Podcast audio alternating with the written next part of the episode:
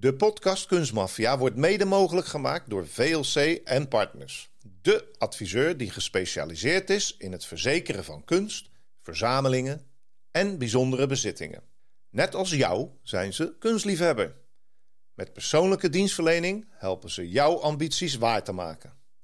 Kijk op kunst-verzekering.nl voor meer informatie.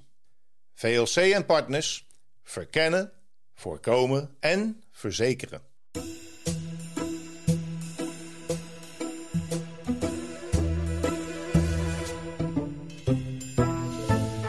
14 april 1991, in het holst van de nacht, worden de bewakers van het Van Gogh Museum in Amsterdam bruut overvallen door twee gemaskerde mannen. De indringers halen 20 meesterwerken van de muur en vluchten met de buit.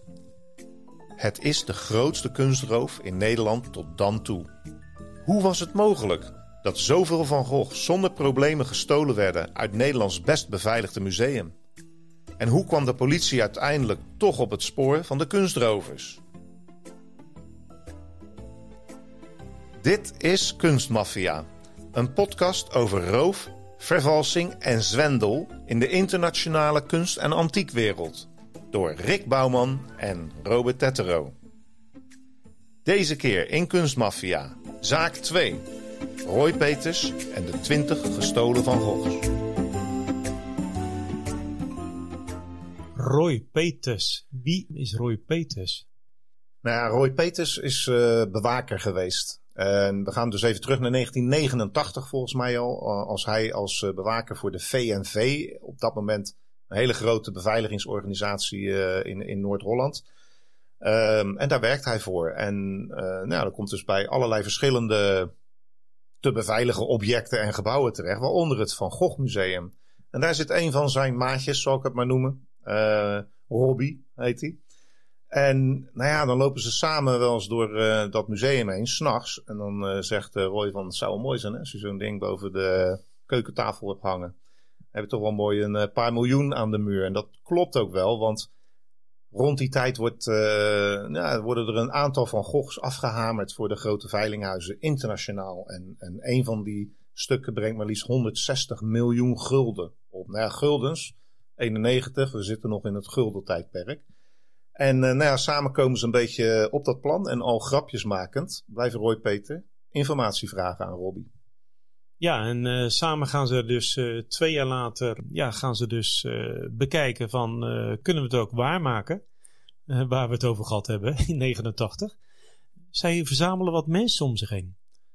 Ja, op een of andere manier hebben ze, nou ja, waarschijnlijk in het nachtleven in de cafeetjes van Amsterdam wel uh, eens wat mensen gevonden die uh, ook wel plannen hebben om wat sneller rijk te worden dan uh, hun gewone baan. Maar een van die mannen is iemand met de bijnaam Kalla. Die blijkt op dat moment in de gevangenis te zitten en sturen een brief. Want dat ging nog in die tijd zo. Even voor de jongere luisteraars. Geen mail, geen WhatsApp, geen telefoon zelfs. gewoon een telefoon met een draad en een draaischijf. Dus uh, ja, ze hebben een brief gestuurd en krijgen inderdaad een antwoord uh, live. Uh, meneer Kalla komt even niet terug van proefverlof en blijft gelijk bij. Dus hij is waarschijnlijk heel enthousiast. En later komt hij met ene Roberto, dat is zeg maar een buddy, een vriend ook van hem. En nou, dan make them four. Dus dan zijn ze met z'n vieren. Ja, ze gaan dus met z'n vier aan de slag om, om te kijken wat de mogelijkheden zijn in het Van Gogh Museum. Thuis bij uh, Roy Peters uh, ja, hebben ze een soort whiteboard uh, om, om alles goed uit, uit te vogelen. Zo'n mooi bord met allemaal van die touwtjes en pick-ups en foto's. Ja, ja precies zoals op ja. een politiebureau ook hangt. Dat werkt goed. Alleen zij gebruikten deze ook. En ze hebben op die manier eigenlijk het hele plan van tevoren goed doordacht en uitgeschreven. En ze zijn ook dus uh, dagenlang al, uh, voordat ze de overval gingen plegen, uh, zijn ze al rondom en in het museum wezen kijken. Ja, en ehm, dat doen ze eigenlijk gewoon door een kaartje te kopen. Althans, degene die, die gewoon zo naar binnen moeten. En uiteindelijk, ik meen dat het op zaterdag, op zondag was. Dus op een zaterdag kopen ze een kaartje en dan blijft dus een van de mannen achter, Kalla. Ja. En die verstoppen ze ergens. Ja, die verstoppen ze ergens. Maar uh, ze hadden op die, die donderdag daarvoor hadden ze ook nog even rondgelopen uh, s'nachts. En toen hadden ze het uh, alarm ook uitgezet. om te kijken van ja, zou ons, ja, de VNV, zouden die direct reageren? Nou, die, die Robbie had dat wel vaker gedaan, bleek achteraf. Want hij, uh, kijk, dit was het best beveiligde museum uh, van Nederland op dat moment. Van Gogh Museum, helemaal nieuw. En nou ja, daar keken alle andere musea naar die kunstschatten bewaarden. Stil alarm, speciaal beveiligde ruiten, camera's enzovoort. Maar ja, weet je, je kunt zo goed beveiligen als je wilt, totdat er een keer iets fout gaat. Dan kom je erachter dat er misschien nog wat gaten in zitten. Roy had dat al heel snel gezien, want die had al eerder gezegd: wie bewaakt de bewakers? En Robbie was natuurlijk een van de bewakers. En die moest nog wel eens even wat uit zijn uh, auto pakken. Of een kroketje uit de muur trekken. En dan zette hij even het alarm uit s'nachts, zodat hij naar buiten kon. Ja, ik denk dat hij dat natuurlijk al deed om te testen. Om te zien of er een reactie kwam van de VNV. Ja, en dat hebben ze dus die donderdagavond, uh, donderdagnacht, voor, uh, voordat ze daadwerkelijk van plan waren iets te gaan doen, hebben ze dat uitgeprobeerd. Een hele nacht zelfs. En er werd niet op gereageerd. Dus ja, dat, toen dachten ze van nou, dat is bingo. Wij kunnen die zaterdag van, van start gaan. Maar Robbie was natuurlijk een van de twee bewakers. En Roy Peters was inmiddels niet meer werkzaam bij VNV. dus er moest wel iemand gevonden worden, want ze waren altijd met tweeën. Ze moesten wel iemand vinden die, ja, die niet te veel zou tegensputteren. Ja, maar die ook niet erbij zat. Ja, dat klopt. En ze hadden een oudere collega, een wat oudere man. Daar is verder weinig over bekend. Maar goed, ja, die zat al tegen zijn pensioen aan. Die dacht, het zal mijn tijd wel uitduren. En die was ook, had al regelmatig gezegd, denk maar niet dat ik de held uithang. Dus ze hadden wel zo'n gevoel van, dat is wel een goeie. Maar er was nog iets wat hij had had nog wel een flinke auto. Ja, hij, had, had, inderdaad een hele mooie auto. Althans, een Volkswagen Passat. Hij was in ieder geval heel groot. En dat vonden ze ook wel aantrekkelijk. En daar zullen we later nog wel op terugkomen. Wat daar uh, mee aan, aan de hand was. Ja, inderdaad. en nou ja, goed, dan is het dus ehm, de avond geworden. De mensen verlaten het museum. En zoals we net eerder zeiden, Calla zit dus ergens in een, in een soort fotofilmkamer verborgen. Nou, die houdt natuurlijk de beveiliging al lang gezien dat dat een plek was waar niemand ging kijken en zij zeker niet. En ja, en dan, dan wordt het nacht, het wordt 1, 2 en dan om 3 uur, is de afspraak. Dan uh, gaat Kalla naar de dienstingang, want daar hangt geen camera, om uh, iemand binnen te laten. Alvorens hij dat wil doen, moet hij natuurlijk wel zorgen dat het alarm uit, uitgezet zou worden. En dus gaat hij naar de bewaker die van niets weet. Die krijgt een pistool tegen zijn hoofd gezet. En die wordt gedwongen om het alarm uit te zetten. Dat doet die beste man ook. En uh, vervolgens uh, worden ze beide bewakers, inclusief Robbie, die natuurlijk wel ja, een, van de, een van de daders achteraf blijkt te zijn. Maar die speelt het spel goed mee en die stelt zich gewoon ook op in de zin van: ja, ik word overvallen nu en wij moeten ons gedragen. En zij werden met z'n tweeën werden zij in een, in een hok geplaatst en opgesloten. En daar, daar bleven ze dus zitten. En vastgebonden ook nog een keertje. Dus ja, inderdaad. En dan wordt eigenlijk binnengelaten Roberto M. Ja, die op buddy. zijn fiets aangekomen rijden. Want ja. ze hadden echt geen geld volgens mij ook hoor Rick. Want nee, het is allemaal heel goedkoop op de fiets en met de tram en weet ik het allemaal. Maar goed, die komt dus aan, die wordt binnengelaten. Daar hangt geen camera, dus die kan mee. En als zij eenmaal binnen zitten, en ze hebben natuurlijk de twee mannen, uh, de bewakers hebben ze vastgebonden inmiddels. Ik moet nog wel even erbij zetten, hè. Een, een wapen, een, een, een, revolver op iemand zijn hoofd zetten die van niks weet, uh, is wel best wel heftig. Want we doen er wat lacherig over, maar dit, dit vond ik nog wel best wel een, een, een, een zaak. Maar ja, wat gaan die gasten doen? Die gaan natuurlijk alles van de muur halen. Ja, en eh, ze hadden in de voorbereiding hadden ze het natuurlijk over gehad dat er. Ze zouden uiteindelijk gaan voor drie à vier schilderijen. Die zouden ze mee willen nemen. Uh, maar heb jij ooit doorgekregen wie nou eigenlijk de opdrachtgever was? Nee, in de research die we gedaan hebben wordt één keer genoemd Japanners. Iemand uit Japan. Nou, iedereen, iedereen die een keer in een museum geweest is van Van Gogh, en zeker in de laatste jaren, die weet dat Japanners heel veel interesse hebben in Van Gogh. Daar is ook een reden voor. Van Gogh heeft namelijk een aantal schilderijen geschilderd in de Japanse stijl. En daarmee is hij heel bekend geworden, ook in Japan. En ik weet dat in uh, Japan ook ooit eens iemand geweest is die had um, vast laten leggen, testamentair, dat hij dus geremeerd zou worden. Samen met een Van Gogh. en ik meen dat het een van zijn beroemde zonnebloemschilderijen was. En voor zover ik weet is dat, hebben ze dat kunnen voorkomen.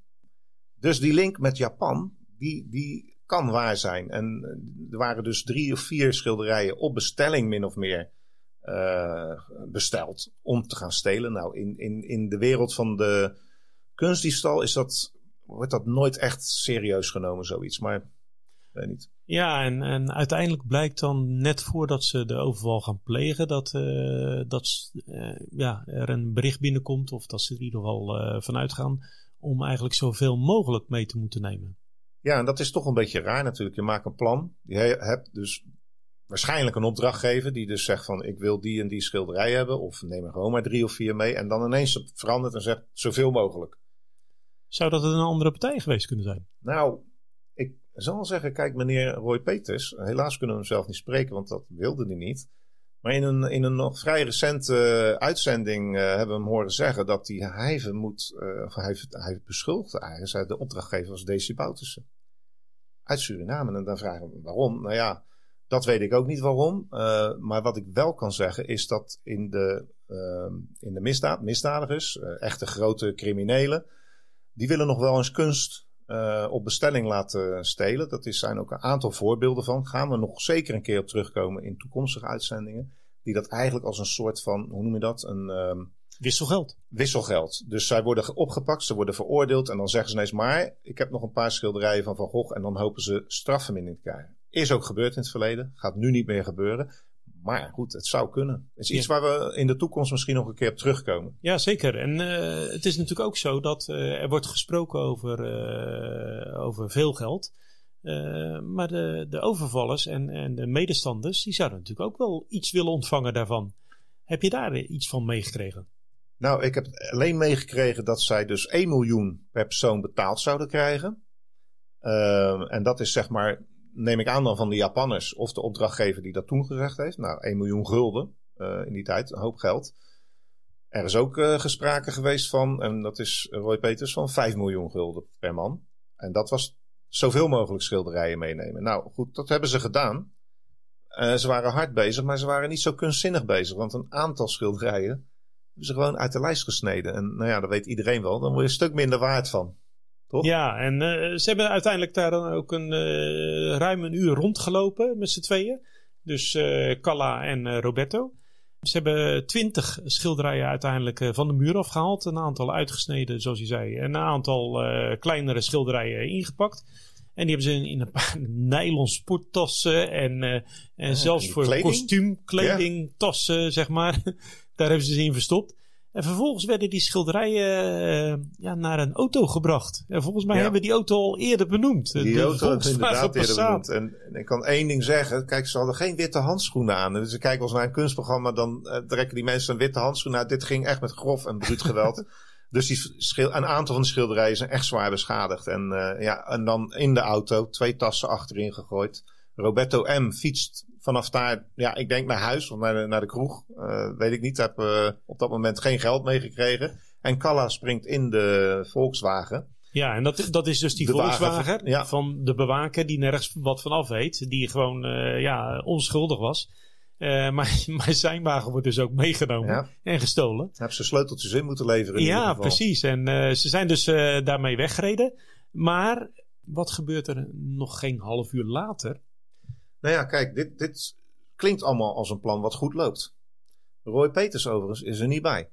Die heeft het wel allemaal bedacht. Uh, maar zelf is hij uh, op de achtergrond, zit thuis uh, naar zijn eigen woorden. Maar één iemand gaat eigenlijk ofwel zijn eigen plan trekken. Dat is de jonge bewaker, laat ik hem zo maar noemen, Robbie. En Robbie die probeert zichzelf ja, los te krijgen. En dat was niet echt het plan, want zoals we eerder verteld hebben, ze gingen van zaterdag op zondag, omdat zondag het museum later open gaat. Dus ze hadden meer tijd willen hebben. Alleen die Robbie, ja, die ligt natuurlijk een uur lang ook vastgebonden en na te denken. En uh, nou ja, die, die denkt, ik ga, ik ga toch uh, zorgen dat ik niet beschuldigd uh, kan worden. Ik ga door dat systeemplafond heen en heb een weggetje gevonden. Hij heeft natuurlijk al jaren werkt hij daar. Komt uit en dan waarschuwt hij de VNV. En dan zegt hij, um, ja, en zelfs de politie. En de politie, Heeft hij gewaarschuwd. Ja. En, en die vroegen vervolgens van... Uh, ja, met welke auto zijn ze weggegaan? En dan geeft hij het uh, kenteken van zijn collega. Zo ja. uit zijn hoofd. Is dat niet vreemd? Dat is, uh, nou... ik vind het vreemd, maar de politie ook. Maar die zegt niks op dat moment. Die denkt, oké. ik weet mijn eigen kenteken niet eens. Nee, dus nou ja, laat staan van eh, Dus, mijn eh, collega. Ja, hier gaat het, loopt een beetje mis allemaal. En eigenlijk ook te vroeg, want het is nog midden, het is nou ja, middernacht. Het is heel vroeg in de ochtend. Het is ongeveer eh, vijf uur, Ja. rond die tijd. En hebben ze dus een kenteken en een model. En dat gaat over de politieradio heen.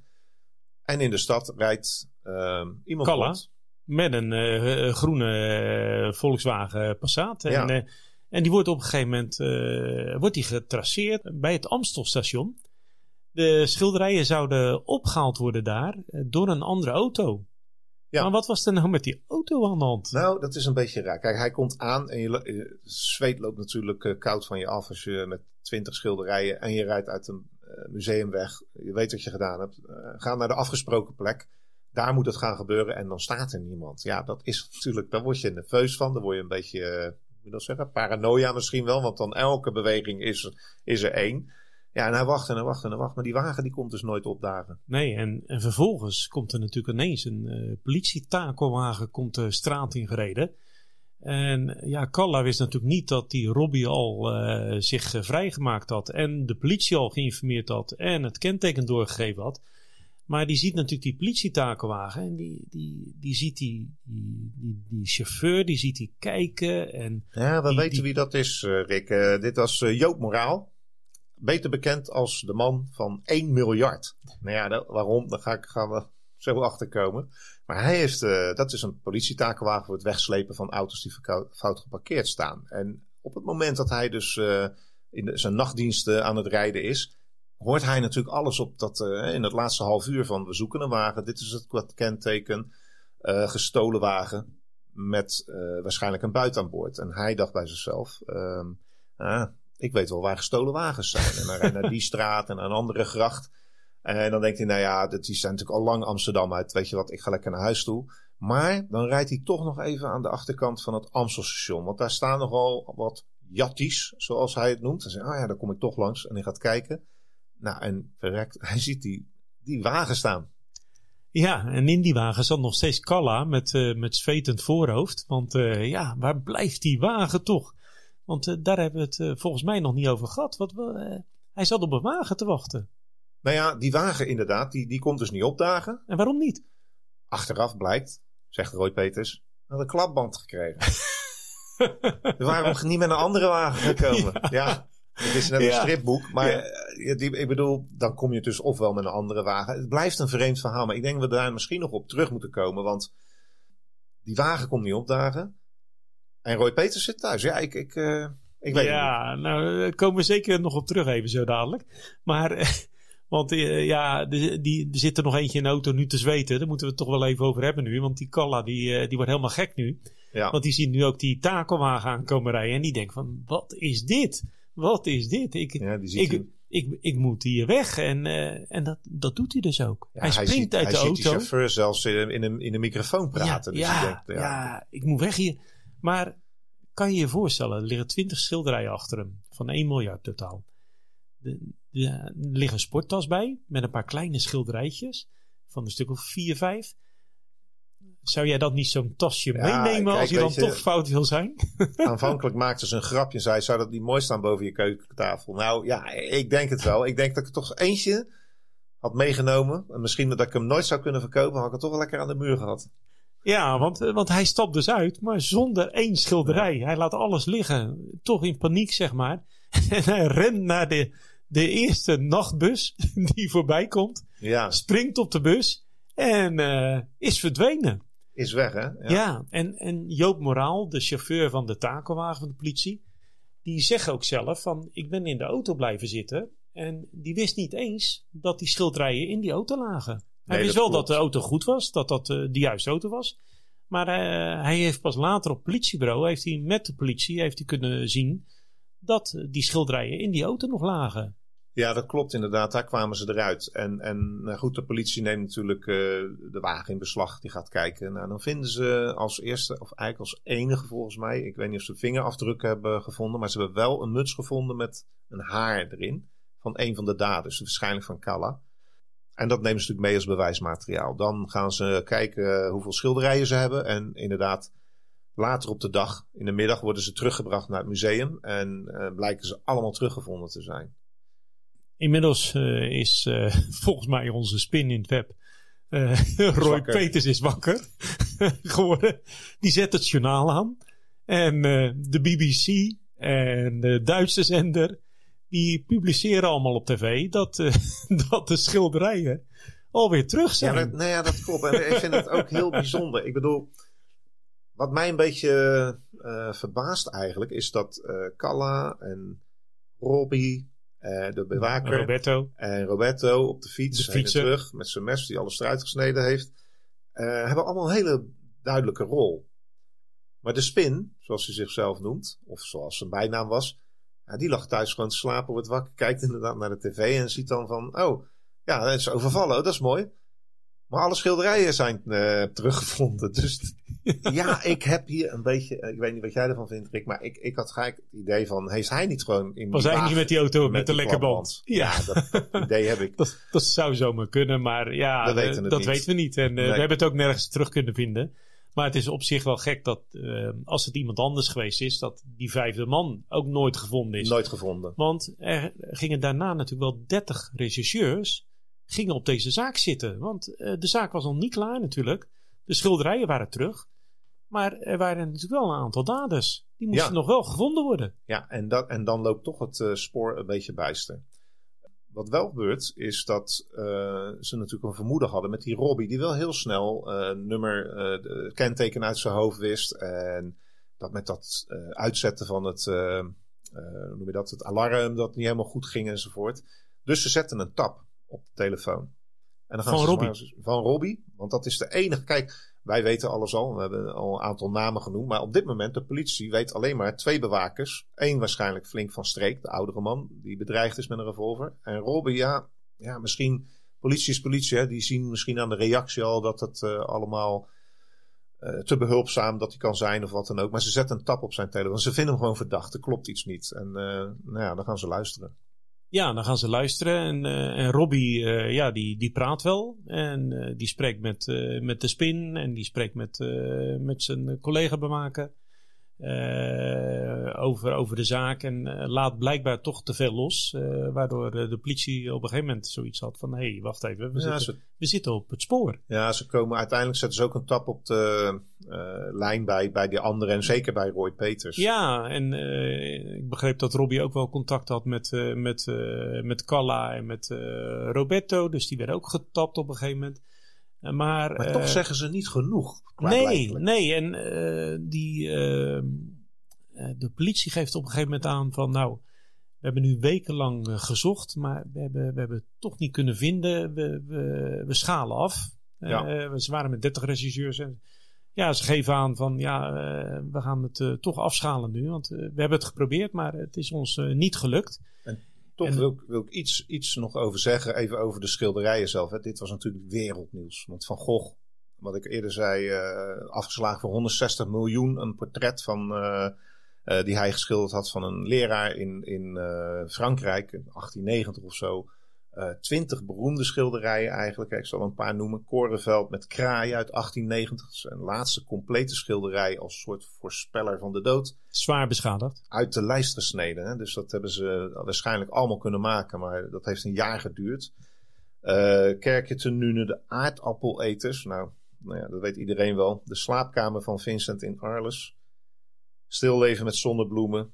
Korenveld met maaien. Nou, kom wel doorgaan. Het zijn er twintig. En dus uh, heel de wereld uh, volgt dit. En dan is het toch wel vreemd als al vrij snel de politie zegt van... Nou ja, we, gaan, we stoppen dit onderzoek. We gaan in ieder geval helemaal naar... Het is niet meer onze prioriteit. Ja. We zetten op een laag pitje. Zou het geen truc geweest zijn? Ja, dat, dat is heel slim. En uh, daar krijgen ze later heel veel kritiek van, van de pers en wat alles. Want iedereen publiceert dat van ja, we zijn ze waarschijnlijk kwijt. Maar nee hoor. Ze gaan verder met het afluisteren van met name Roy Peters. En die kan ook geen paar dagen zijn mond houden waarschijnlijk. Die belt zijn moeder. Ja, die belt. maar. Ja. Uit 32 op dat moment. Maar hij belt zijn moeder om te zeggen van... Het gehoord maar. 30 man hebben ze van de zaak gehaald. Ze hebben hem niet kunnen vinden. Bingo. Bingo. Hij wordt dezelfde dag nog gearresteerd. En, uh, en komt vast te zitten. En, en met hem uh, pakken ze de andere twee op. En uh, hebben ze een match van één haar Ook wel bijzonder natuurlijk. DNA was er nog niet in die tijd. Dus dit was al vrij zorgvuldig onderzoek. Overeenkomt met Calla.